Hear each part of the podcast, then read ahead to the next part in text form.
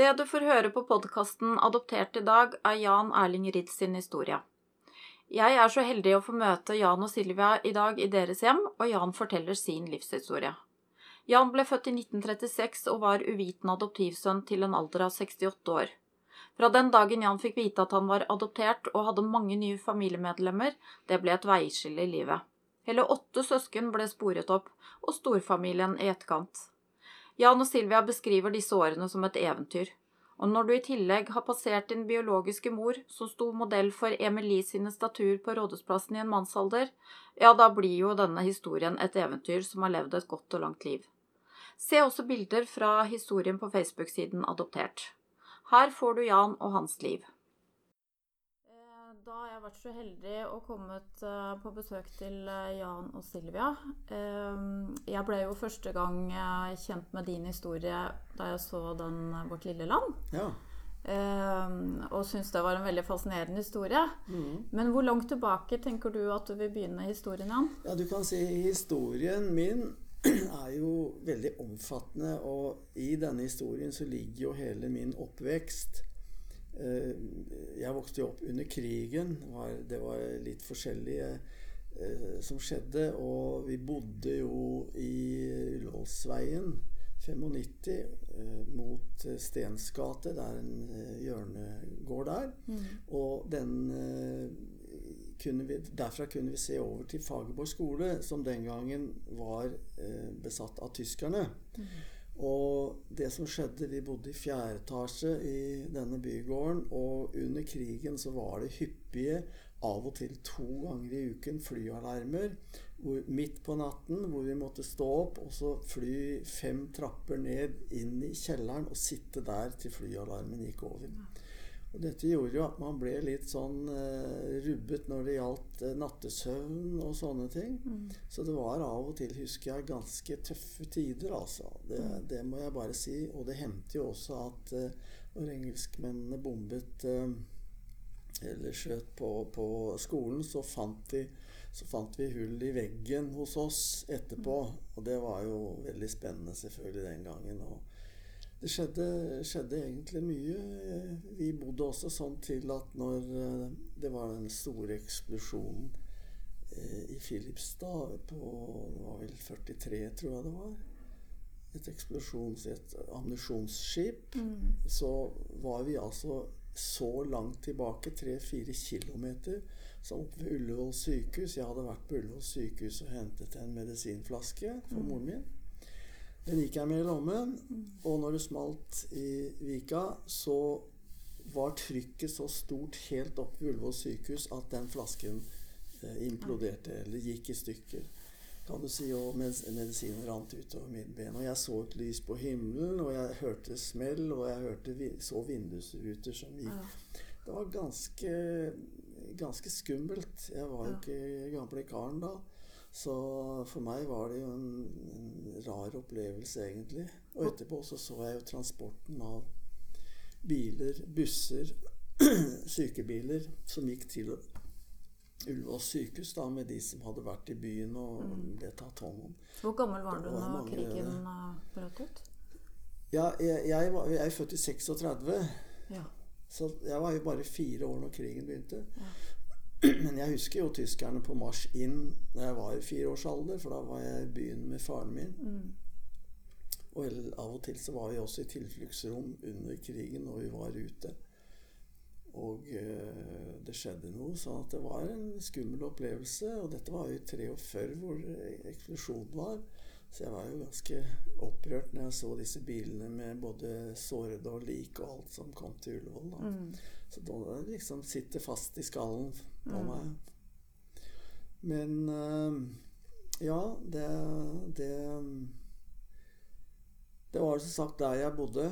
Mm. Og uh, jeg begynte jo på folkeskole under krigen, og da var det jo ikke noen lokaler annet enn noen gamle banklokaler og kirke, kirkestuer og kirkelokaler som vi mm. Gikk uh, i skole, da. Mm. Og for min del så var det vel uh, omtrent fra 43 jeg begynte.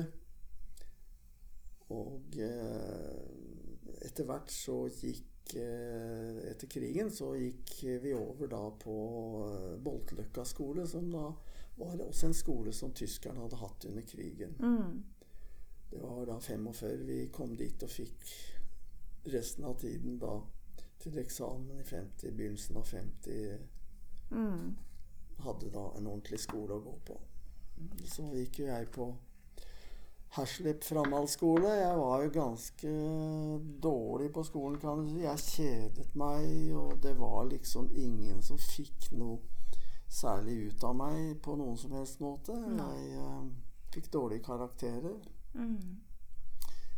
Og eh, jeg ble faktisk utelukket fra engelskundervisningen i 6. og 7. klasse på folkeskolen. Og det var ikke mange som ble. Nei. Men jeg tok litt privattimer, og så gikk jeg bare og meldte meg på eksamen når den kom, for den var offentlig. Og så fikk jeg da eksamen på det, og fikk greie karakterer, så jeg kom igjennom da folkeskolen med nød og neppe, for å si det sånn. Og senere gikk jeg på framhaldsskolen, på Herslep framhaldsskole, og begynte på Fagerborg i 52. På sånn, hva kalte vi det, middels, middelskole. Mm.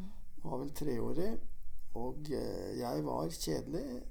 Det var kjedelig for meg å være der. Og jeg var lat og ugagnskråke. Slurvet unna med lekser. Gjorde aldri lekser, omtrent. Meldte meg ut av statskirken for å slippe religion. Skulket gymtimene. I det hele tatt så var jeg et individ som av lærerne ble sett på som helt forkastelig. Jeg kom inn på artiumlinjen, men strøyk sammen med to-tre andre etter ett år. Eh, og det er litt pussig, for jeg eh, strøk sammen med folk som da senere i livet ble administrerende direktører i store statlige firmaer. Det, det sier jo litt om at det nok kanskje var skolen som hadde litt dårlige lærere den gangen. Ja. Men var du ulik dine foreldre, men adoptivforeldre den gangen? Ja, jeg kan si Mine adoptivforeldre var jo ganske streite mennesker. Mor var husmor, far var bankmann, og så bare i bankpapirer og dokumenter. Ja. Mens jeg var Jeg hadde jo selgertalent fra jeg var i sandkassa. Jeg hadde altså én bil og byttet til meg to, osv., osv. Så, så, jeg hadde et salgstalent.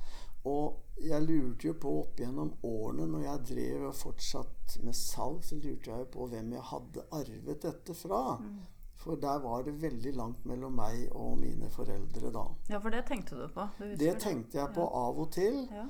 Og eh, det var jo av og til også senere, når eh, jeg fikk barn og sånn, så bodde vi i Sverige, og eh, min mor kom over for å hjelpe til litt grann under fødselen. Jeg jobbet jo i Sverige, og kona skulle jo føde.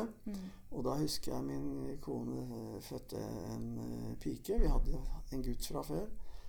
Det var vel i 67. Og eh, hun spurte meg og sa at Jan, jeg skjønner ikke riktig at din mor, kan ha født deg, for hun vet jo ingenting om fødsel. Så jeg tok jo noen sånne stikkprøver, da. Jeg tenkte ikke så mye på det. Jeg tok en stikk, noen stikkprøver underveis, og så spurte jeg hvor jeg var født, og hvor jeg var døpt. Og jeg var da født på, på um, Josefinegaten klinikk. Den gikk jeg til, men der var det ikke noe klinikk lenger. Og det var ingen som visste hvor det var noen bøker om dette. Men så gikk jeg til Domkirken, og der tenkte jeg der må de ha noe. Og da fikk jeg papirer, utskrift fra kirkebøkene på at jeg var født 20.06.36 av foreldre Bergljot og Erling, som var mine foreldre da. Så da slo jeg meg til ro med det ganske enkelt, altså. Visste de at du undersøkte den gangen? Det visste de ikke. Jeg sa ikke det heller. Nei. Jeg hadde nok sagt det hvis jeg hadde funnet noe ut av dette. Men jeg tenkte i kirkebøkene må det jo iallfall stå. Og der sto det hvem som var foreldre, og det var de. Så jeg tenkte dette er ikke noe å bry seg om.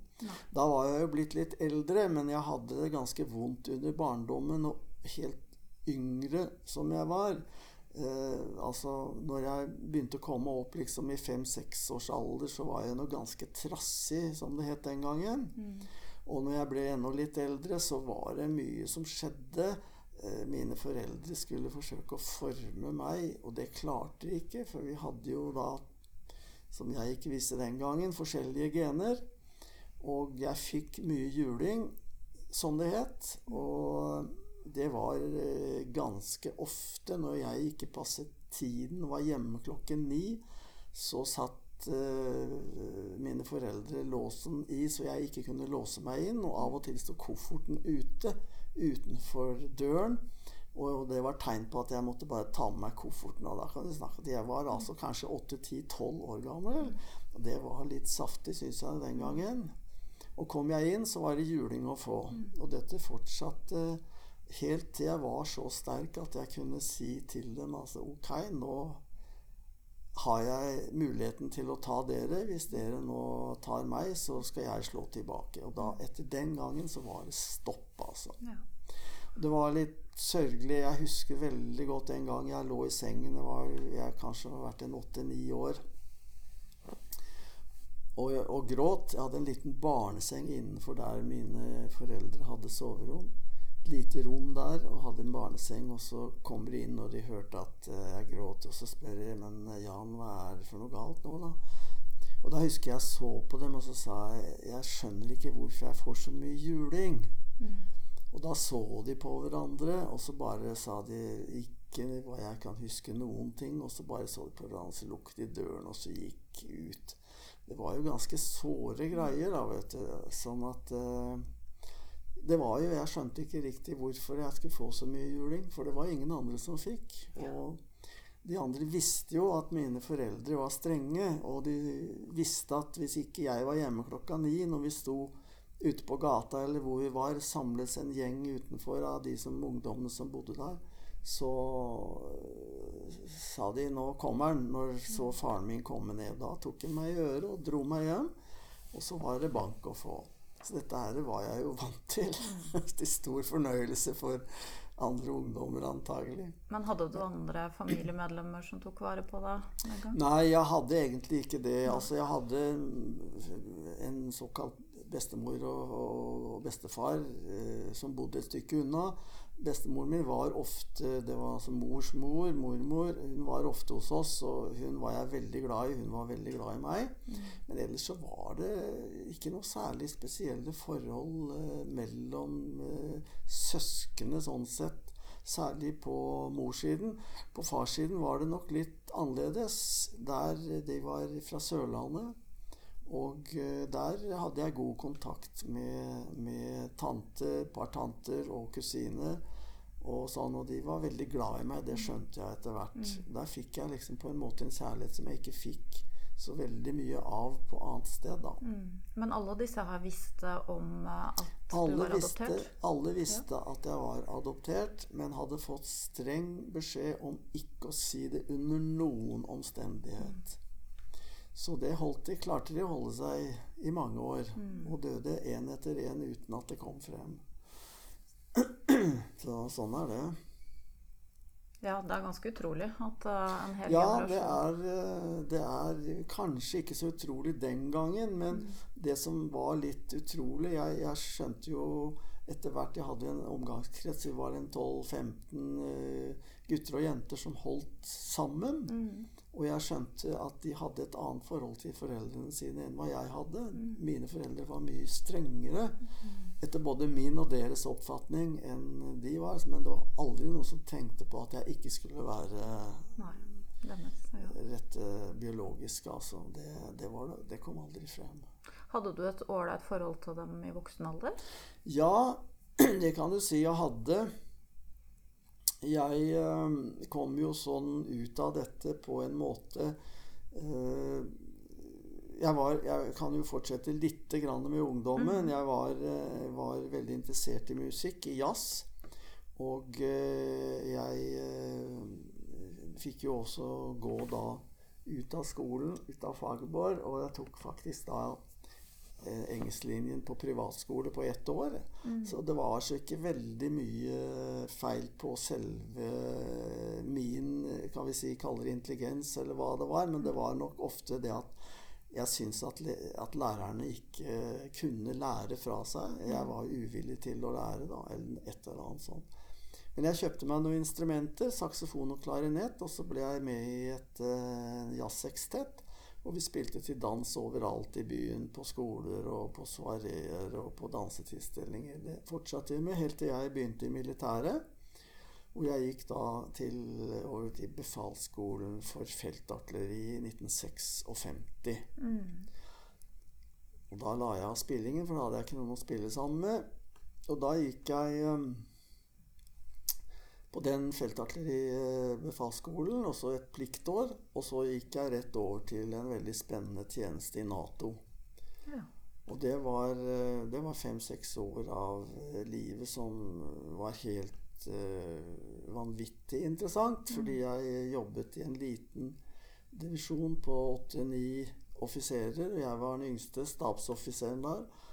De andre var bare gamle, barkede karer fra krigen. Mm. Og sjefen min, eh, som jeg hadde, var eh, en eh, engelsk eh, oberst, eller group captain, som senket Tirpitz i Tromsø-området i 1943, var det vel? Eller 44, jeg er ikke sikker her og nå. Men eh, han fikk jo ansvaret for å Og de hadde jo forsøkt mange ganger å senke dette slagskipet. Men de klarte ikke. Det var sånn halvveis eh, lå på siden, men det ble stadig reparert og ble om igjen. Men han fikk beskjed om med sin skvadron å senke Tirpitz, og det klarte han. Mm. Så han var, av, han var, en av, Englands mest dekorerte soldater da, under krigen, eller etter krigen. Så jeg jobbet sammen med sånne folk som hadde opplevd veldig mye, og jeg var jo ung, sånn at for meg Jeg sugde alt dette til meg. Så jeg hadde en fantastisk uh, tid der. Og senere så hadde jeg en liten stilling på Raufoss ammunisjonsfabrikker. Mm. Før jeg droppet alt som hadde med militæret, og begynte som selger. Så Men det som hører til saken her, er jo også at um, det som har uh, har utløst mye av det som skjedde meg senere, det var at jeg for å få denne stillingen i Nato, så måtte jeg sikkerhetsdeklareres. Ja. Og det skjedde på et nivå som var så høyt at det var så å si nesten ingen andre som hadde den klareringen som jeg hadde. Fordi vi jobbet med, med informasjoner og, og, og, saker og ting som foregikk bl.a. i Russland. Mm. Sånn at vi hadde tilgang til det aller meste, og jeg hadde en veldig høy klarering der. Og det kommer, det kommer frem her ved senere av det jeg fikk oppleve, da. Og jeg ble også gift da første gang 60-årene og skilt igjen i 62. Det gikk veldig raskt. Så traff jeg hustru nummer to i 63, og vi var gift i ti år. Og det mm. var der jeg også da fikk barn. En gutt i født i 65, og denne eh, datteren i 67, når vi bodde i Sverige da. Mm. Og da hadde du lite kontakt med adoptivforeldrene i den perioden, eller? Hadde vel egentlig det. Eh, jeg flyttet jo ut av hjemmet når jeg begynte på befalsskolen. Og det var jo i 56, 1956, og etter det så var jeg hjemme av og til på besøk. Mm. Det var jeg, men ellers så hadde jeg ikke så veldig mye kontakt med dem da. Det hadde jeg ikke. Jeg hadde noe mer kontakt igjen når jeg eh, Jeg traff jo min hustru i 63. Mm. Og jeg var da eh, Hadde jeg kjøpt en leilighet i Oslo og uh, fikk da pga. salgsjobber som jeg hadde, så fikk jeg en jobb i Stockholm. Så vi flyttet til Stockholm da i 1966. Mm. Og eh, ja. Jeg fikk eh, jobbe der til 72, og vi flyttet hjem igjen. Flyttet vi til Røa og leide et hus der. Da var, underveis var leiligheten solgt, som vi hadde.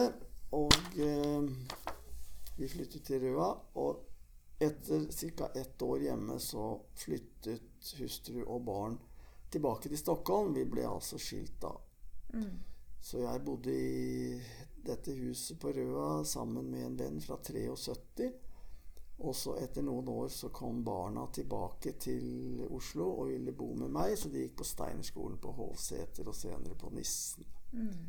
Så jeg hadde det veldig hyggelig der, og der eh, var det jo så at min far hadde i 60-årene fått et, eh, et, et slag.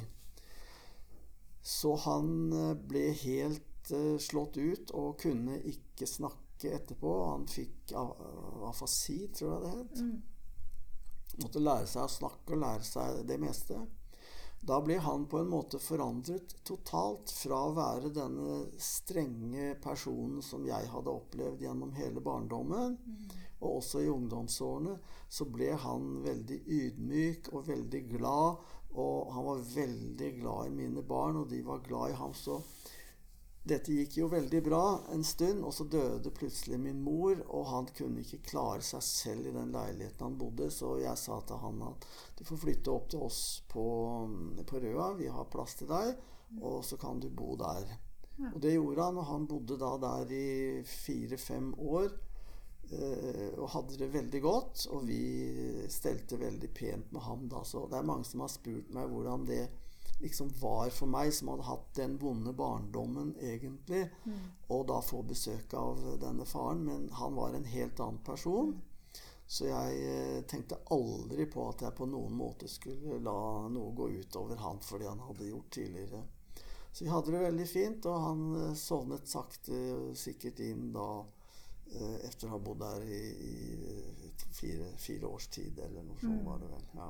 Mm. Og han var en han var jo en ålreit bestefar. Han var en veldig ålreit mm. bestefar. Mm. Det var også moren når, bestemor når hun leda, altså mm. min adoptivmor. Men, eh, men, eh, han var liksom den som da, etter dette slaget, og han hadde kommet seg på bena igjen, eh, hadde veldig mye med barna og mine barn å gjøre. Og det, det mm. var veldig fint. Så de hadde det veldig godt sammen, og jeg hadde også gått sammen da. Så vi hadde, var en fin liten mm. familie da. Og eh, da var jo jeg alene i en ti års tid. Når han døde, så hadde jeg truffet eh, Silvia, som er min nåværende hustru. Mm. Og eh, når han falt fra, så flyttet hun opp til meg på Røa. Og hun hadde en datter da på ett år mm. og flyttet opp til meg. Og senere har vi vært en familie, så vi har jo nå kjent hverandre i 35 år. Mm. Så, og livet har vært uh, veldig bra og spennende for oss. Vi har hatt firma sammen og i det hele tatt klart oss veldig greit. Mm. Så I oppgjøret etter um, adoptivforeldrene dine, du fant ikke noen papirer den gangen? Nei, jeg gjorde ikke det. Og du kan si Jeg var jo enebarn. Jeg hadde aldri hatt noen søsken. Så når far falt fra, så var jeg jo i bankboksen og tok det som var. Og der lå det jo gamle papirer. Uh, han jobbet jo i Kredittkassen, som det het den gang. Kristiania Bank og Kredittkasse på Torvet. Og der gikk jeg gjennom alt, for jeg tenkte er det noe jeg kan ha misset underveis her, så finner jeg det der. Mm. Men det jeg fant, var bare gamle papirer av hans uh, uh, ansettelsespapirer og brev fra banken hvor, hvor, hyggelig han var som person, og hvor dyktig han var. og i Det hele tatt. Det dreide seg bare om han, da. Mm. Og jeg fant ikke noe. Og så Det var liksom ikke noe som tydet på det. At det skulle være noe galt. Men, uh, og dette gikk jo helt frem da til uh, 2004. Ja. Og da, i 2004, så, så var eh, Nei, du kan si det gikk fram til 2002. Mm. Hvor jeg satt og leste i avisen at myndighetene eh, Det var Aftenposten jeg leste dette i.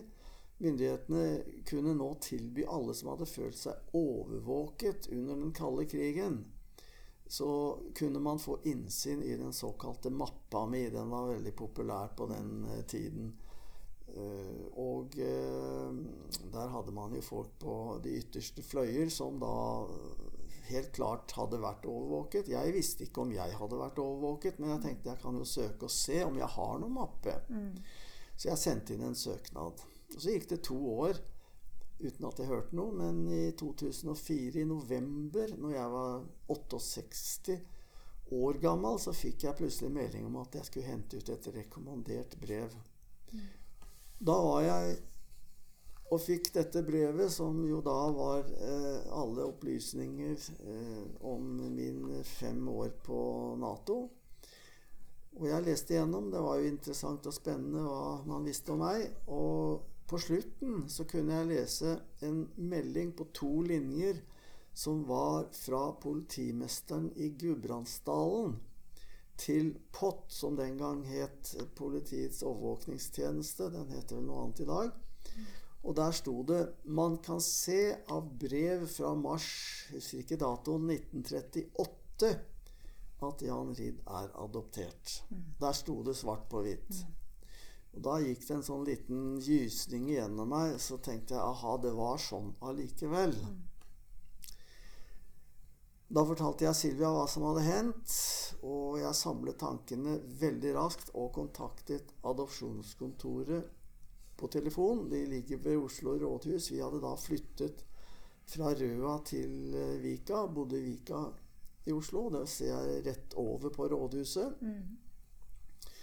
Og jeg fortalte at jeg som 68-åring nettopp hadde fått rede på at jeg var adoptert, og jeg hadde litt bråttom for å få tak i papirer hvis de hadde noe om denne adopsjonen. Og det hadde de. Så jeg kunne komme ned dagen etter og få det de hadde samlet opp da. Og jeg spaserte rolig fra min bostad ned to-tre minutter til eh, adopsjonskontoret. Og på veien så passerte jeg da denne dagen, som tidligere dager når jeg reiste ned og gikk ned til byen, alle disse flotte eh, granittstatuene som står foran rådhuset, som jeg mange ganger eh, hadde sett. Og jeg passerte særlig en av dem, som jeg da fikk rede på når jeg hadde kommet til adopsjonskontoret, at denne som satt her, var min biologiske mor. da måtte jeg nesten le. Så var det interessant fordi at samme år som jeg var der, altså i 2004, som dette var, så hadde en fetter på morssiden skrevet til myndighetene og spurt om det hadde vært noen mulighet til å finne frem til en gutt som var født i 1936. Og eh, de var så glad i denne tanten som de hadde, som da dessverre døde veldig tidligere. Hun hadde fått to barn senere, to jenter, men hun døde selv veldig tidlig, trolig av kreft, som jeg har fått rede på senere. da. Og eh, han lurte på om det var noen mulighet til å komme i kontakt, og han la ved da et, eh, et eh, tre familietre som viste tanter og onkler, fettere, kusiner osv. Og, og et brev som fortalte hvem han var, og telefonnummer og det hele. Og han fikk jo aldri svar på det brevet. Det var sendt i januar-februar 2004. Jeg var på adopsjonskontoret i november og fikk dette brevet. Mm. Så det første jeg gjorde når jeg kom hjem, det var å ringe det nummeret. Da trodde jeg kom til han hadde, var en av direktørene i Norsk Hydro. Og eh, jeg ringte det nummeret og trodde jeg kom dit, men det svarte klart og tydelig i andre enden.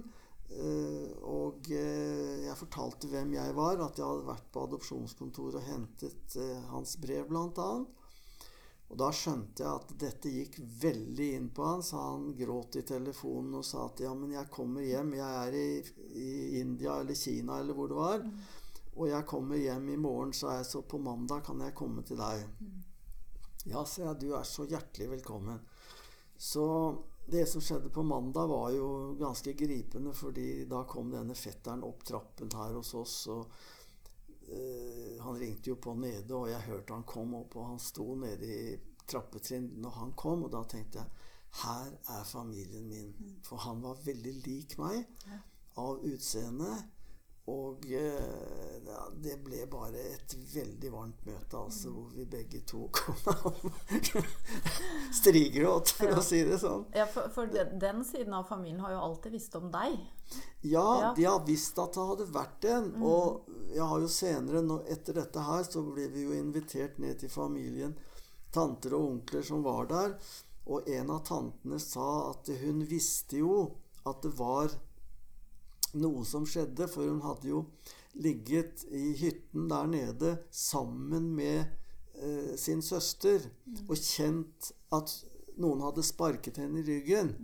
Og det var jo denne gutten som hun hadde født da. Hun var jo i Oslo når hun eh, fikk eh, meg, og hun bodde jo faktisk 100 meter herfra i en gård rett rundt hjørnet her, sammen med tre kunstnerinner.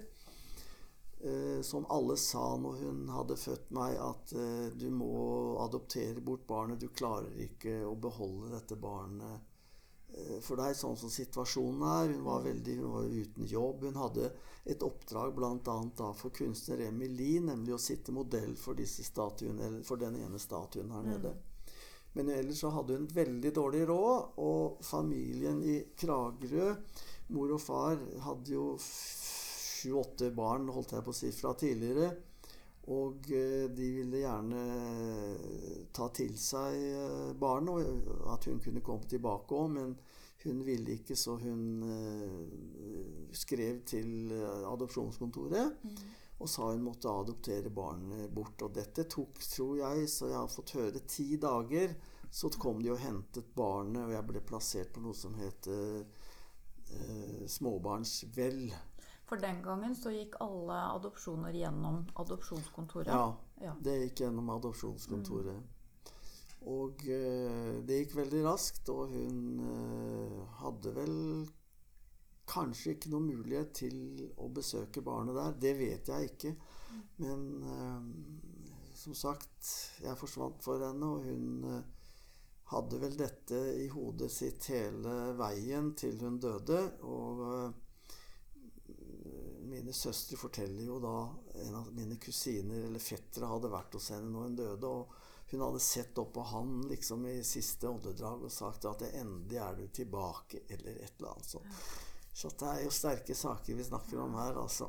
For, for hun visste ingenting om dine adoptivforeldre. Hun hadde ikke noen mulighet til å få vite hvor Nei, hun, det, det fremgikk jo av papirene også som jeg fikk på adopsjonskontoret. Avtalen mellom adopsjonskontoret og mine foreldre.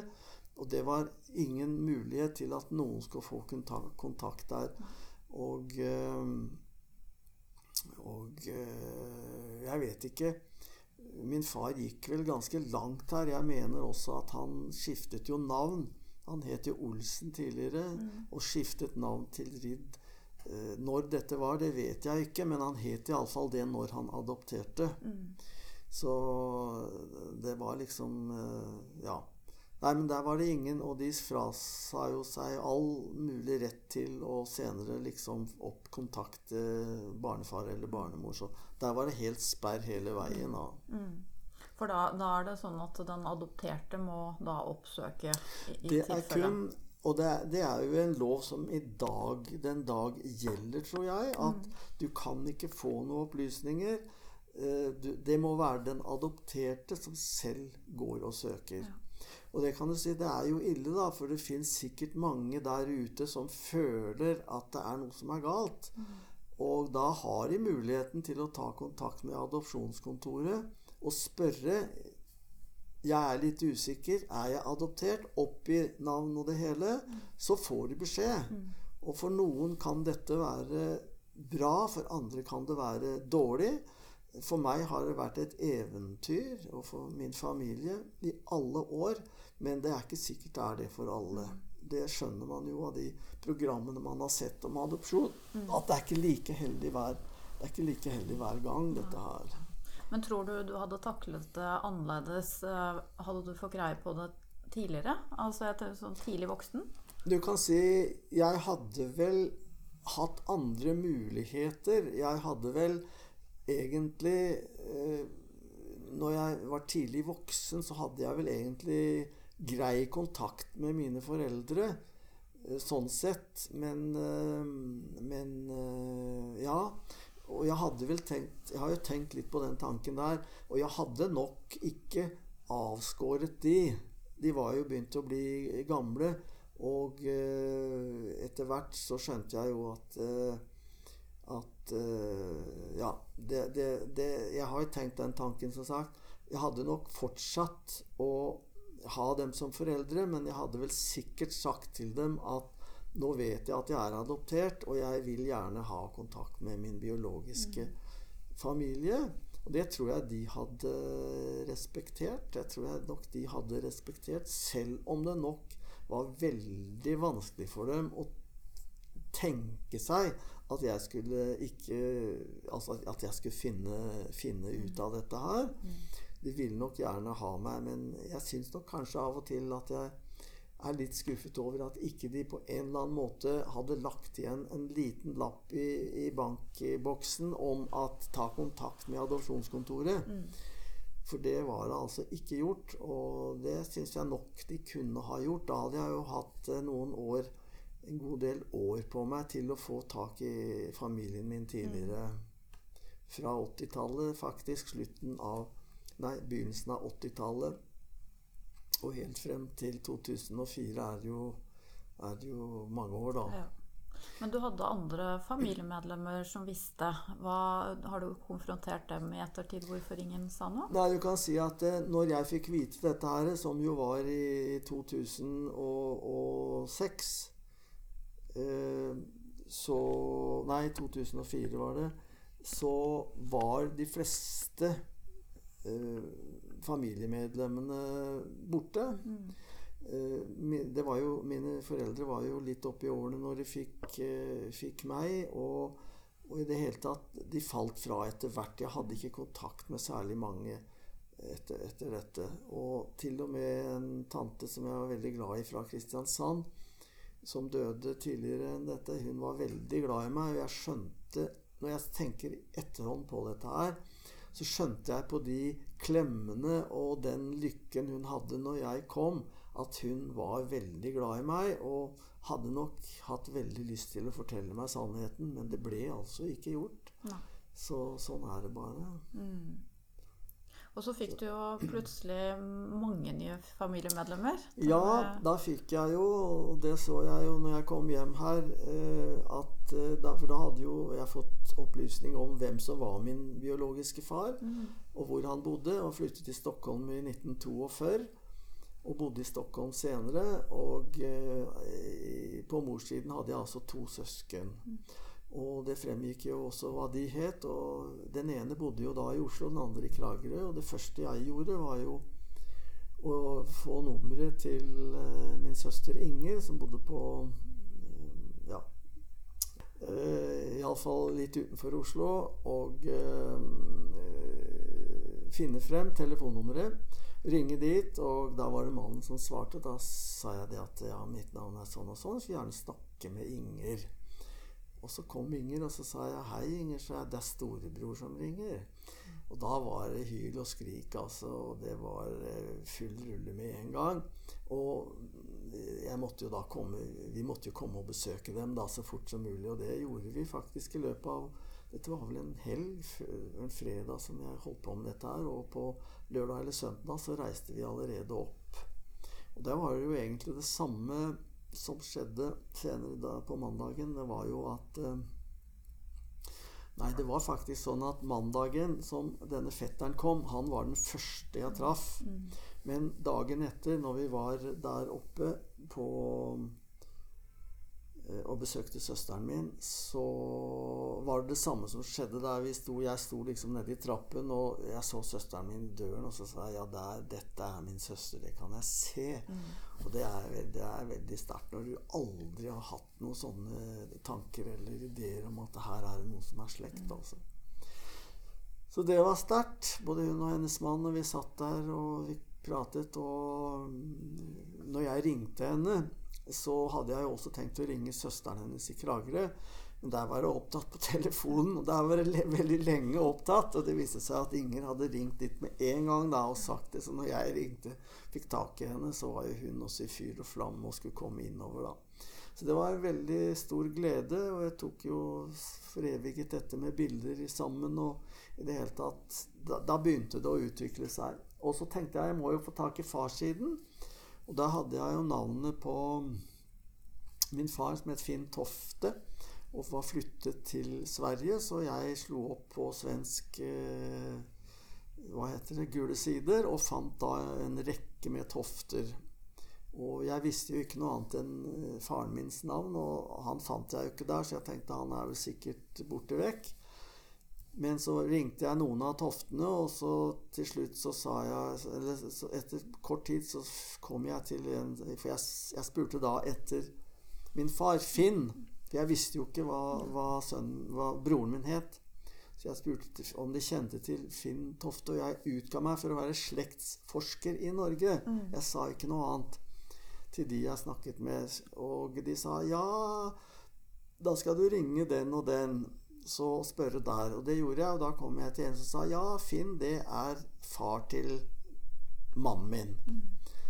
Ja, men da får jeg lov å snakke med mannen din. Da, når, ja, han var jo da borte, så skal han komme igjen. Ring da etter sånn og sånn. Og da ringte jeg til han. Han het Manni. Og underveis så slo jeg opp da navnet Manni Tofte på gule sider i Sverige. Og da fant jeg ut at Manni, det var en kar som da hadde vært idrettsmann. Eh, Han i, på 70-tallet så var han en idrettsstjerne i Sverige. Han slo Ingemar Stenmark vel i OL eller VM eller noe sånt eh, på ski. Og han var den eneste i Sverige som hadde nådd toppen både på ski og fotball. Så han var også fotballstjerne der borte. Og det var jo veldig spennende da med å få en, få en sånn bror. Og eh, jeg snakket jo med han senere og fortalte Han var litt nølende og litt tilbakeholden. Der, så, men så sa han også at ja, det, det er, ligner vår far, dette her, sa han. At det dukker opp sånne ting. Så sa jeg ja, men da skal jeg dukke opp, sa jeg. Men eh, jeg skal også samtidig da be om at du tar en eh, prøve og sender over til, eh, til myndighetene her for å få konstatert dette her, så ikke vi gjør noe som er galt.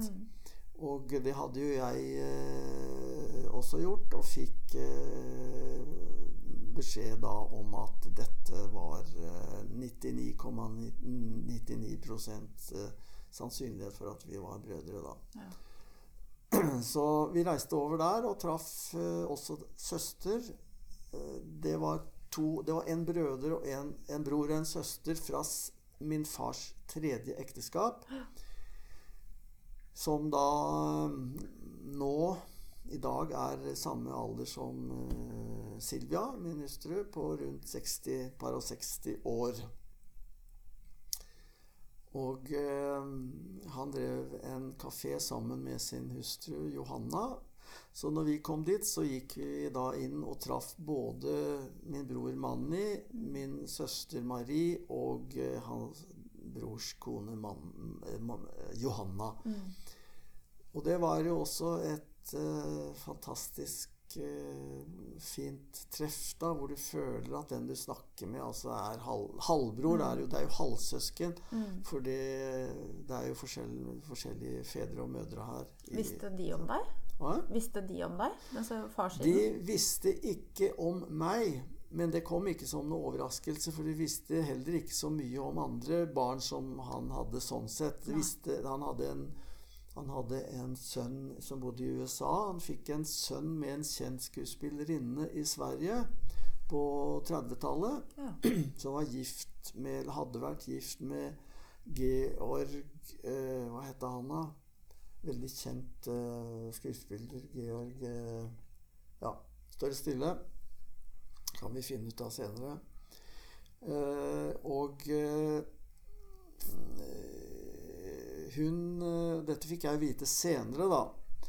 Fordi jeg, jeg, jeg ringte også til, eh, til denne slekten til eh, skuespilleren for å høre om de visste hvor denne sønnen var henne i USA. Men det var ingen som kjente til verken eh, eh, kona eller eh, sønnen der. For hun hadde da flyttet til USA ganske tidlig. Min far ville gifte seg med henne når eh, hun fikk en sønn, men hun ville ikke, så hun tok med seg sønnen over til USA og begynte en sånn eh, smørbrødrestaurant der, og det var helt nytt. Så de fikk et fantastisk oppsving på en helt ny sak i USA, eller i California, og jobbet der sammen i mange år og hadde alle de store, kjente skuespillerne som, som kunder. Altså, de har fortalt masse historier. Og hun er faktisk nå i dag rundt 99 år. Ja. Og kvikk som en mørt. Altså. Hun, vi er der nede, har vært der nede flere ganger. Og hun kan fortelle om sitt liv og om, eh, om vår far og venner og bekjente. Hvordan de hadde det. Og det er store, store historier som kommer hver eneste gang. Da. Så det er veldig morsomt. Men eh, sønnen hadde ikke hadde ikke de fått tak i. Min søster hadde forsøkt i USA å finne han, men hadde ikke klart å få det til. Og for det er pga. navneskifte, etternavnsskifte og sånn, så haka det litt opp seg. Men eh, jeg fikk jo rede på via omveier at eh, det fantes et telefonnummer til denne May-Britt, som hun het. Og eh, jeg ringte dit, husker jeg. Det var jo veldig morsomt, for da hadde jeg vært inne på Google og funnet ut at hun het May-Britt Håkansson. Og bodde da i Syd-Sverige. Og så ringte jeg så sa jeg at jeg var slektsforsker. Og lurte på om hun kjente til eh, Peter Peter eh, en, en kar som het Peter, som skulle eh, Hvordan var dette her? Det er litt surrete, dette her, skjønner du. For at det sto, det sto at denne skuespillerinnen hadde reist til USA. Og når jeg ringte henne, så hadde jeg et svensk telefonnummer. Og da var det en dame som svarte, og så sa jeg at jeg var på jakt etter fra May-Britt Håkansson. Men jeg har funnet henne på, på på Google her, men det står at hun døde i 1971 eller noe sånt. Jeg, nå husker jeg ikke akkurat detaljene ja. omkring det. Men at hun lurte på om hun kjente til eh, en, en som het Peter Håkansson, da. Og så, sa, så ble det stille i telefonen, og så sa hun det er jeg som er denne skuespillerinnen', sa hun. Okay. Ja, men det står, Jeg har jo nettopp vært på Google, og det står jo der at denne skuespillerinnen er, er død i 1971. Nei, det kunne hun ikke forstå. Og så begynte hun å fortelle at min sønn Peter Vi bor i USA, vi bor i, om sommeren i Sverige her. Og han er, er ikke kommet til Sverige ennå, men han kommer i mai-juni, eller hva det var. Og han er han har noen få venner, og han er ikke så veldig interessert i å få noen nye venner eller noen ny familie, sa hun rett og slett. For jeg fortalte da hvem jeg var, og var sønn av, av eh, Finn, som hun hadde hatt et forhold med. da. Nei vel, tenkte jeg, da er det vel sånn. Og så takket jeg for samtalen, og så tenkte jeg etterpå at det er jo søren dette her, så jeg burde jo kunne få tak i vår halvbror der nede. Så jeg hadde tatt et bilde da av Det fins også her av eh, min bror Manni og Marie og jeg som smiler og holder om hverandre og ser lykkelige ut. Så tok jeg og sendte dette brevet med dette bildet ned til henne i Sverige. Og så tar det bare to-tre dager, så ringer hun meg. Og så, og så, og hvor jeg fortalte da at jeg hadde funnet, eh, funnet frem til brødre og søstre her, og at det var adoptert og hele greia litt om dette. Og så ringer hun til meg tilbake og sier Å, kjære Jan, hva trevelig det var å få brev fra deg. Og hvor søte dere er på, på korten her. Og det er klart at de skal få treffe Peter, sa han. Han kommer her da måneden etter, eller noe sånt. Og da får de treffe, sa han. Det var jo trivelig. Og det gjorde vi. Da han kom, så fikk jeg eh, beskjed om at jeg kunne komme ned. Og da reiste bare Silvia og jeg ned for å treffe henne og Peter, og vi ble veldig godt mottatt. Hun, eh, skuespillerinnen, da, hans mor, var veldig streng, og var veldig Det var hun som dirigerte det hele.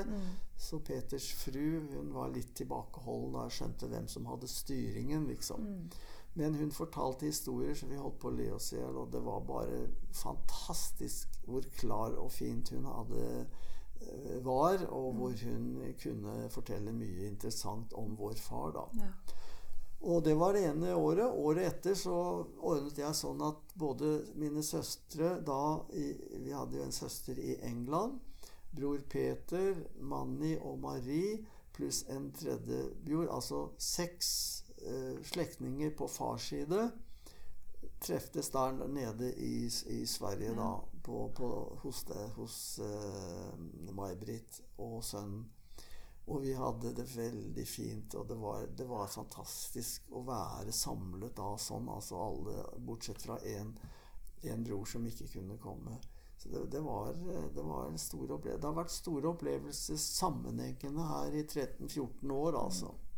For de søsknene på farssiden de visste heller ikke om hverandre egentlig sånn Jo, de, de, ja. de, de, bortsett fra Peter i USA, han hadde aldri hatt kontakt med noen av dem. Nei, nei. For moren hadde holdt han unna, kan du si. Men dette var jo, dette var jo fra tre ekteskap. Mm. Og eh, de, var jo alle eldre enn de siste, ikke sant? Fra første og annet ekteskap. Og tredje så var det de to. Marie og Mani, og tidligere så var det, så var det andre. Så de, de kjente hverandre eh, alle sammen. Mm. Og eh, ja. Men det har vært veldig mye merkelige historier opp igjennom på farssiden også på, på, på dette her pga. Uh, stadig trafikken og alt som skjedde omkring der. Og han drev jo veldig stort i Sverige sitt firma sammen med sin hustru. Og vi drev jo her med med det samme eh, området, kan du si, innen reklame. Ja, for det sa du at du fant så mange likheter. Ja, det, det var jo så mange likheter. Og jeg bodde jo i Sverige med min tidligere hustru og barn. Eh, og jeg jobbet jo da selvstendig i et firma med, med, sammen med en svenske. Og vi, vi, var jo på de samme stedene som min far tydeligvis hadde som stamsteder, som opera, Operakjelleren og, og og Rish og disse kjente kjendisrestaurantene på den tiden. Og danset jo på på denne kjente diskoteket hvor også kongen, nåværende svenske kongen var da som, som ungdom. Så vi hadde liksom en Og jeg er sikker på at jeg har truffet, uh, truffet min uh, far på et eller annet tidspunkt mm. uten at jeg har visst hvem det har vært. Men uh, ja. Visste din far at han hadde en bortadoptert sønn? Eh, det visste han. Det er klart, ja. Fordi han, han, han ville ikke vedgå seg at han hadde fått et barn. Han, han, ville ikke være faren. Mm. Så min mor eh, forsøkte via retten da å få eh, dette frem, for han nektet. Og han hadde penger, han hadde advokater, han sto sterkt eh, i dette her og forsøkte på alle måter å hindre at han skulle bli dømt for å være far til dette barnet. Og han gikk så langt som han fikk en eh, restauratør, restaurant, rest, restaurantansatt eller restaurantsjef til å skrive en bevitnelse på at den tiden som dette skulle ha blitt uh, satt i verk, altså fødselen skulle vært påbegynt for, Ikke fødselen, men, men uh, de skulle hatt seksuelt omgang. Den tiden så var han ikke her. Da var han i Sverige eller mm. et annet sted. Mm. Men det ble jo senere da av retten dømt til å være falskt. Mm. Og så ble det jo da, basert på blodprøve, så ble det jo fastslått at han var faren da. Men han unndro seg hele tiden, og under den tiden så hadde mor ganske store problemer. Hun hadde lite penger og måtte egentlig trygle både her og der og få tak i midler. Og eh, det som var interessant, var at hun var veldig god venn med eh, Emilie, som har laget de fire damestøttene eh, mm. der nede. Mm. Det er to kunstnere der nede fra rådhuset, men Emilie har laget de fire damene som sitter der. Eller fem med den som står i midten. Og hun var modell for han. Og de i morsfamilien trodde at han øh, var øh, faren. Altså de, ja. Det fremgikk av brevet til myndighetene som min fetter skrev i januar samme året. Så skrev han at øh, vår tante Elisabeth, hennes mann, er Emil Lie. Mm. For de var veldig gode venner, mm. og de trodde ikke noe annet. De visste ikke noe annet enn at. Men myndighetene hadde jo da sagt at det var ikke Emily, det var uh, Fint ofte. Var det viktig for moren din å få navnet hans på papiret pga. adopsjonsprosessen, eller var det egentlig bare fordi Nei, det, det vet jo ikke jeg. Nei. Altså, det som var viktig for henne, var jo at hun, hun hadde jo ingen eh, mulighet hun, hun, tjente jo ikke noe penger, og den gangen så fikk hun jo krav både om det ene og det andre. Og hun ville jo gjerne ha det fastslått at det var faren fordi hun kunne få bidrag. Mm. Og han ble jo dømt til å betale bidrag, men han betalte så vidt jeg vet ikke noe. Der, der har det vært veldig mye surr, men jeg har ikke gått inn i detaljene der. Men, uh, men uh, Emil Lie, han tok opp dette. For i 1938 Jeg søkte jo på Emily for å se kan det være faren. Mm. Og jeg søkte på biblioteket her oppe og fant Emily, alt han hadde gjort av sånne ting. Pluss så sto jeg det Eh, en artikkel fra 1938. Eh, Den ugifte mor. Ja. Dagbladet 26.3.38. Ja. Den ugifte mor. Ja. Og da tenkte jeg, når jeg så det der oppe, at han hadde skrevet noe som het det, ja. så kunne det tyde på at den ugifte mor var min mor. Mm. Så jeg gikk til Dagbladet og fant i arkivet da denne artikkelen her, som var svært Altså Begynnelsen av historien er svært alminnelig. Fortsettelsen er hårreisende. Med at den er hårreisende, forhindrer ikke at den også er alminnelig. Mm. Og Derfor så skriver han dette her. Og han skriver om alle disse lovene. Det er ingen sak for den unge piken som kommer i ulykke nå, nå til dags. Her er trygdekasse, bidragsfogd, fødselsklinikk, barnehjem osv. Men den gang hadde man ingenting. Mm. Og her står det da hele tiden at dette er Her står det en ung pike kommer til Oslo fra en av småbyene, får post til 80 kroner måneden, klarer seg bra. Etter tre års forløp treffer hun en kjekk fyr. Gleden varte ikke lenge, ble gravid osv. Venner råder henne til å ta piller, og det gjør henne syk, men det hjelper ikke. Andre piller, tre, tre års straff osv. Det står, står mye her om mm. alt. Og dette her skjønte jo jeg etter hvert at dette er jo min mor, altså. Mm. To års pinsler, nå gir hun seg nok. Da var det rettssak, da. Det kom ingen penger fra barnefaren. Han var dømt til å betale, men det kom ingenting. Og dette hjelper det norske rettsvesenet denne pøbelen til. Altså de, han, mm. han, gir norske rettsvesen og alt sammen fullstendig juling, altså. Ja. Og eh, her kom det da her, dette, er, dette, er, dette, er, morsomt å ja, lese. Ja. Du får gjerne låne dette her, så ja, du kan sette deg litt inn i også de tingene der. Men det var en lang historie der hvor, uh, hvor, han, hvor jeg skjønte da at uh, Hvor jeg fikk veldig mye informasjon mm. da om hvordan min mor hadde hatt det. Og det var jo ikke noe særlig hyggelig informasjon å få, egentlig. For uh, hun, hun, har jo strevet fælt med mm. dette her opp mm. gjennom årene. altså.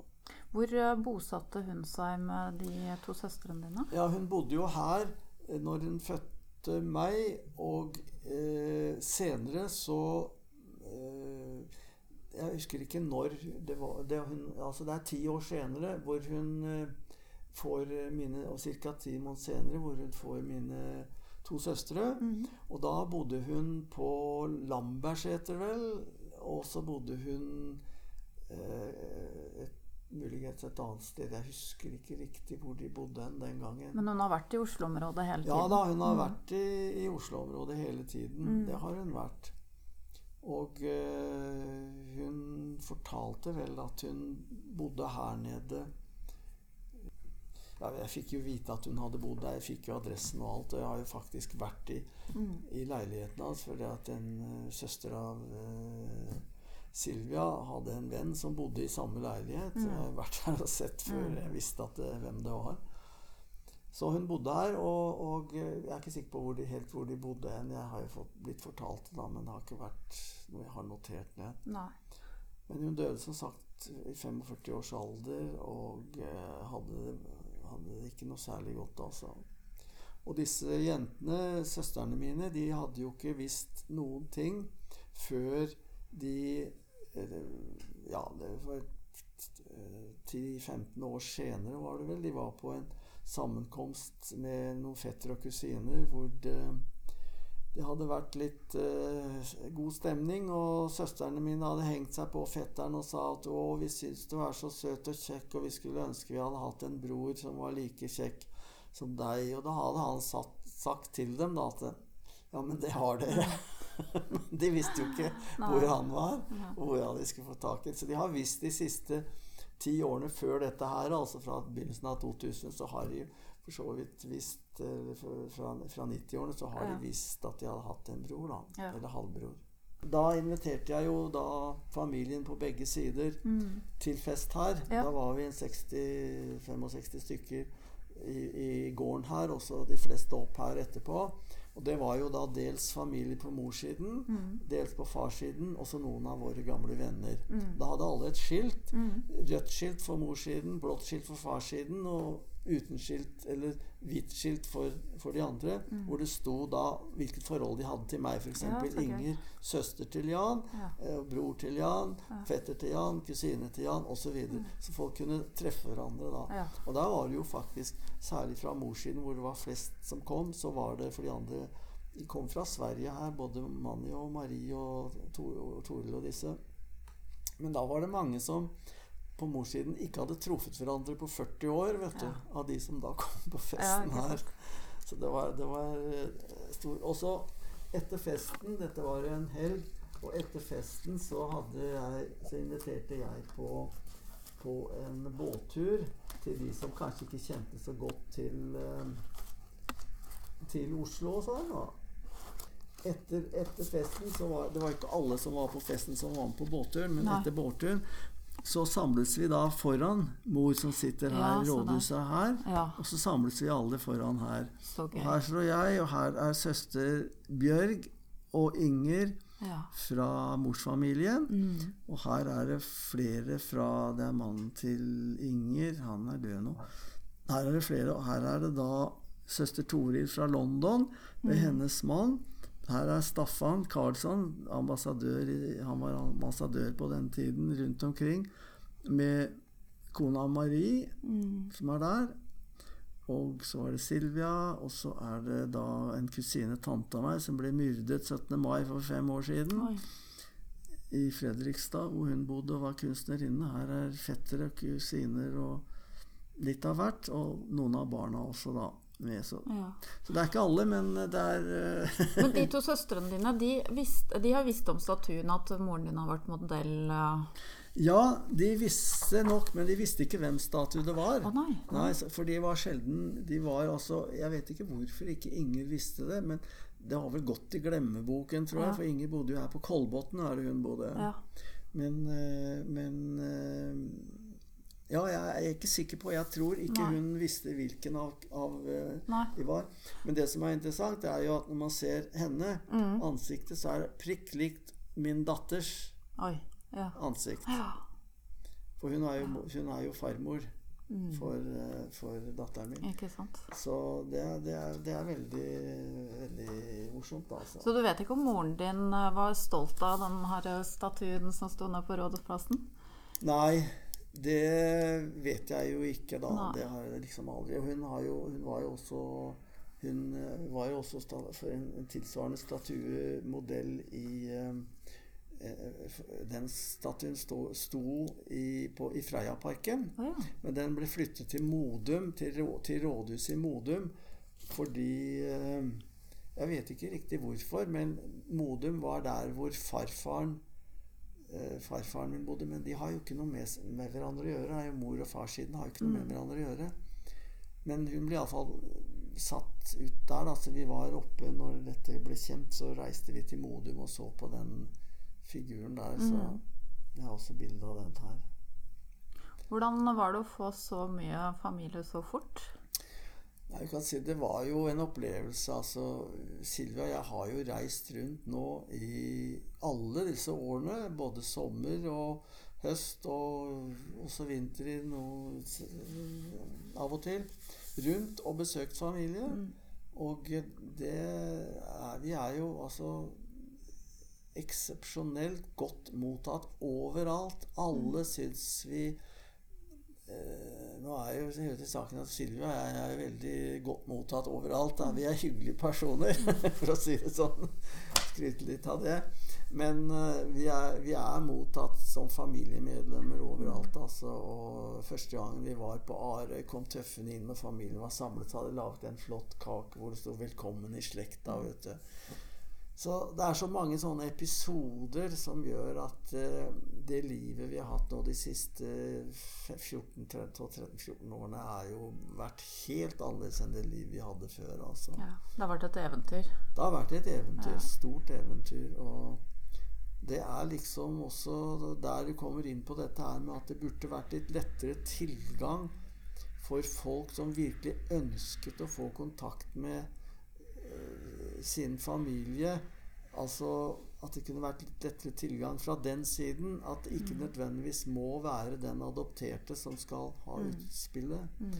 Og det viste seg jo etterpå, så vidt jeg har fått oppgitt, når TV 2 holdt på med denne serien her, at de har hatt stor pågang der nede i arkivene fra folk som gjerne vil ha rede på om de, okay. De fins der. Ja. Og jeg har jo fått så mye detaljer som jeg har liggende her, med, med, med utdrag fra papirer hvor, hvor, det står oppført hvor mange bleier og hvor mye sånn som barnet hadde med seg, og, mm. og, hva min mor fikk betale liksom for småpenger for disse tingene her, og ikke hadde penger. Og, mm. Det har hatt en, hatt en veldig tøft liv, altså. Det mm. har hun hatt. Så men mange, mange, kunne jo kjent litt sånn bitterhet over å få vite det så sent, men du har valgt å heller snu det til det positive? Ja, jeg, eh, jeg, er ikke bitter. Jeg, av og til så tenker jeg på at jeg burde, burde ha hatt opplysningene før, fordi da hadde man hatt 20-25 år tidligere. Men det, det, jeg er ikke så sikker på at min far hadde akseptert at jeg dukket opp på kontoret. Han var en jævla tøff type, og han var ikke grei å ha med å gjøre, altså. Mm. Og heller ikke overfor eh, barna sine, så vidt jeg har forstått. Så mm. broren min der borte har vel sagt det er ikke sikkert han øh, hadde tatt deg imot så hyggelig hvis han hadde fått besøk, men jeg hadde vel antagelig klart å handle det, for jeg har truffet så selger og salgssjef i min tid, så har jeg truffet på de aller fleste modeller av mennesker. Og jeg har alltid klart å bli godt likt og godt mm. mottatt. Så det tror jeg nok jeg skulle klart den gangen også. Men, men, gjort er gjort. Man kan ikke skru tiden tilbake. Men uh, det ville nok vært uh, artig om jeg hadde hatt og visst det før. Jeg tror nok det. Men jeg tenker ikke så mye på det. Jeg hadde et greit og godt liv hele veien opp igjennom til dette skjedde. Og nå etter dette her så har det vært et eventyr for mm. oss, da. Det har vært det. Treffes dere ofte? I, uh, ja, vi sammen. treffes. Mm. Vi, vi, har jo et feriested i Frankrike som eh, Familien slåss jo om å få komme dit. Og mine søstre er jo der nede 14 dager hver eneste sommer. Mm og hatt med sine ektemenn. Nå er den ene ektemannen frafalt, og den andre er dårlig, så han kan ikke være med. Men begge disse to jentene gleder seg jo fra år til år over å komme dit. Og når vi skal ned nå, så kommer, så kommer en eh, Han eh, Svein, som han heter, som var den som sendte det brevet til min fetter, som sendte til myndighetene. Han og kona kommer ned nå og skal være hos oss noen dager på vingården Og vi er der nede i, nå i mars-april, er det vel. Mm. Og ellers så har det vært folk hele tiden rundt omkring, og de har vært på besøk her hos oss, og vi har vært på besøk hos dem. Så hele tiden så er det full rulle mm. sånn sett, altså. Så det er et eventyr. Jeg kan ikke få sagt det på annen måte. Og så er det jo gøy, sånn som du sier, at det har vært i pågang på adopsjonskontoret. At kanskje din historie har vært en litt sånn øyeåpner for andre? Ja, det har vært kanskje en spore til å, å, få folk til å tenke ja, men det skal jeg jammen prøve, og høre om jeg i det hele tatt har noe. Hvis de føler at de mm. kanskje har, er litt forskjellige fra sine foreldre. Og jeg var jo veldig forskjellig. I etterhånd så ser jeg jo det at jeg, Altså, jeg var jo selgers født selger. Mm. Og det var jo min far også. Han var jo, han var jo, faktisk Når han bodde i Oslo Han flyttet til Sverige i 42. Når han bodde i Oslo i 1938, så jobbet han for Jeg tror det er Sten, Bertlo Steen. Mm. Solgte Opel. Og han solgte Jeg tror han solgte 55 Opeler på på ett år. Og den gangen var det uhorvelig mye. altså. Mm. Han fikk gulletui, eh, sigarettetui og greier som årets beste selger og sånne ting. Mm. Der ligger genene for meg, altså. Ja. Og eh, det har jeg hatt med meg hele veien opp igjennom. Det er salget jeg har drevet med. ja. Men da har kanskje det her med biologiske bånd også betydd noe helt annet for deg etter at dette her skjedde? Ja, altså det er jo det, det kan du si at eh, jeg skjønner jo da hvor langt jeg var fra mine adoptivforeldre. Som var altså helt eh, Ja, det, nå var det en annen tid, selvfølgelig. Mor var husmor, og det skulle hun være. Hun var formann i Husmorforeningen og klappa sammen da etter at hun bomma helt på både tid og sted. Eh, Hjertet sviktet. Og min far var bankmann og trofast jobbet til han var 72, vel. Og eh, hadde noen år før han eh, falt fra, han òg. Men, eh, men det var liksom ikke snakk om eh, noe annet. Og de hadde jo noen venner. Og hver gang de hadde noe besøk, så skulle jeg trekkes frem som et eksemplar av arten, for å si det sånn. Jeg visste jo ikke at jeg var adoptert, men da skulle de vise for sine venner at her er vår, vår sønn. Jeg vet jo ikke hvor mange av vennene og sånne som, som visste om det, men jeg har en følelse av at mange kanskje visste om det, men alle hadde fått beskjed om å holde kjeft om det. Men eh, jeg skulle liksom trekkes frem som et eksempel på, på hva de hadde fått til da i form av deres barneoppdragelse. Så hadde de fått en kar som lykkes, ikke sant. Og jeg husker jo når jeg kom hjem, jeg hadde en god innstilling i Sverige som gjorde Og Sverige og Sveits gjorde at jeg kunne kjøpe Sitte på fly til Sveits og så bestille bil gjennom en katalog som lå der på, på Ford, og få bilen sendt over splitter nytt fra fabrikken til Oslo. Og hente den og kjøre rundt i en bil som det ikke var noen tilsvarende av i Norge. Og når jeg da kom med denne bilen og skulle hente mine foreldre for de skulle kjøres et eller annet sted og besøke familie, så var altså min mor vokste ti centimeter, vet du. Og da var det liksom å vise at dette nå, Jeg skjønte jo etter hvert at dette var litt tull, men jeg tenkte jeg kan glede dem med å gjøre det, fordi jeg visste at de skulle sole seg litt i glansen, da. At de hadde fått en sønn som da hadde blitt til noe, tross jævla barndom, for å si det sånn. Så nå etterpå så syns jeg jo det er bare hele bare er dumt. Men det var morsomt den gangen, da. Ja. Har dine barn eh, hatt glede av storfamilien i ettertid også? Ja, men ikke på samme måte. Nei. Fordi at eh, det er ikke mange av dem som, som bor her. Vi bor jo her, og de fleste bor jo, bor jo eh, som sagt både i Sverige og, og eh, sydover. I, ja, i andre land også. Men så de har, ikke, har egentlig ikke opplevd det på samme måten. Det er Silva og jeg som har hatt den store opplevelsen her. Men det er jo morsomt. Det, det er ikke noe mer enn én uke siden jeg gikk inn Her nede ligger Avis, bilutleie. bilutleie. Og vi har leid biler der i alle år eh, tidligere når vi har behøvd bil, for vi bor jo så nære. Og jeg har brukt Avis i USA. Så går jeg inn i, but i butikken der på vei hjem og tenkte jeg nå skal jeg spørre om de har noe tilbud på sommeren. Vi kan trenge å komme bil til Sverige, for vi har solgt bilen vår. Det er meningsløst å ha en bil her. Dyre parkeringer, og så har vi busser og trikker som går utenfor overalt. Og så leier vi bil når vi trenger. Og så gikk jeg bare tilfeldigvis innom, og så sto det en mann og en dame der. Og så, så snakker jeg til mannen, og så spør jeg liksom hvordan det er mulighet til å få høre om det er noe, er det noe gunstig tilbud i mai, juni, juli eller noe sånt. Eller er det fullt da, eller er det vanskelig? Og så vi snakket litt løst, og så ser jeg denne damen som står og og så titter på meg hele tiden. Og så tenkte jeg her er en som har sett oss på sofa, for vi har jo vært med på Ja. sofaprogrammet. Her er en som, for Det er stadig vekk vi treffer folk som sier at 'Å, det er så søte på sofa, vi, når kommer igjen?' og bla, bla. Masse sånn. Så jeg tenkte nå er det en som, som har sett meg der, og kanskje lurer på hvor hun har sett meg hen, for det gjør de fleste. Og så sier jeg når jeg er ferdig, takk, ja, da får jeg komme tilbake, da, så han blir nærmere. Og så, så, så sier hun damen som står bak disken når hun går sier, sier meg, hva heter du, sier hun. Og Janne er en som skal ha selfie, tenker jeg. Det er jo, heter jo Jan Rids. eh, For jeg var sikker på at hun hadde sett meg på TV. Ja, du heter Jan Ridd, sa han. Ja, vet du hva, du er min onkel, du. Oi. Så viser det seg da at det er datter av en svenske bror i Sverige. ja. En av dem.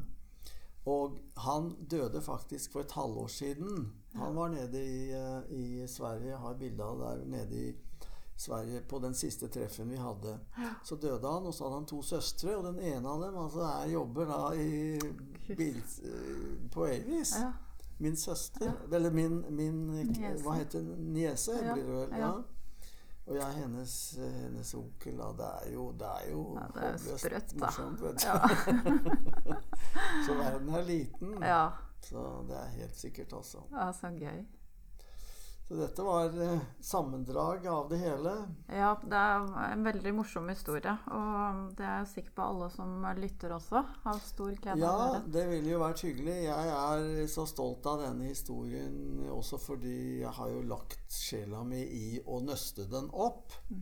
Og det er klart, jeg fikk jo en, en, en, en, en god start når jeg eh, begynte med dette her. Jeg kunne straks få tak i hvem som var min biologiske mor og far, og kunne nøste det opp derfra. Og det har jo gått veldig greit, da. Så det er helt utrolig. Jeg, jeg, jeg er lykkelig og lykkelig, og alltid vært, egentlig. Men de siste 13 årene har vært eh, fantastisk lykkelige år for oss. Både Silvia ja, Uten Silvia så hadde jeg jo også hatt problemer hvis ikke hun hadde vært interessert, eller måttelig interessert. Men hun er jo like interessert som meg på dette her. Og vi, eh, vi, opplever jo gleden hos andre vi er hos, og det er, eh, det er et eventyr. Jeg vil mm. kalle det det. Mm, absolutt.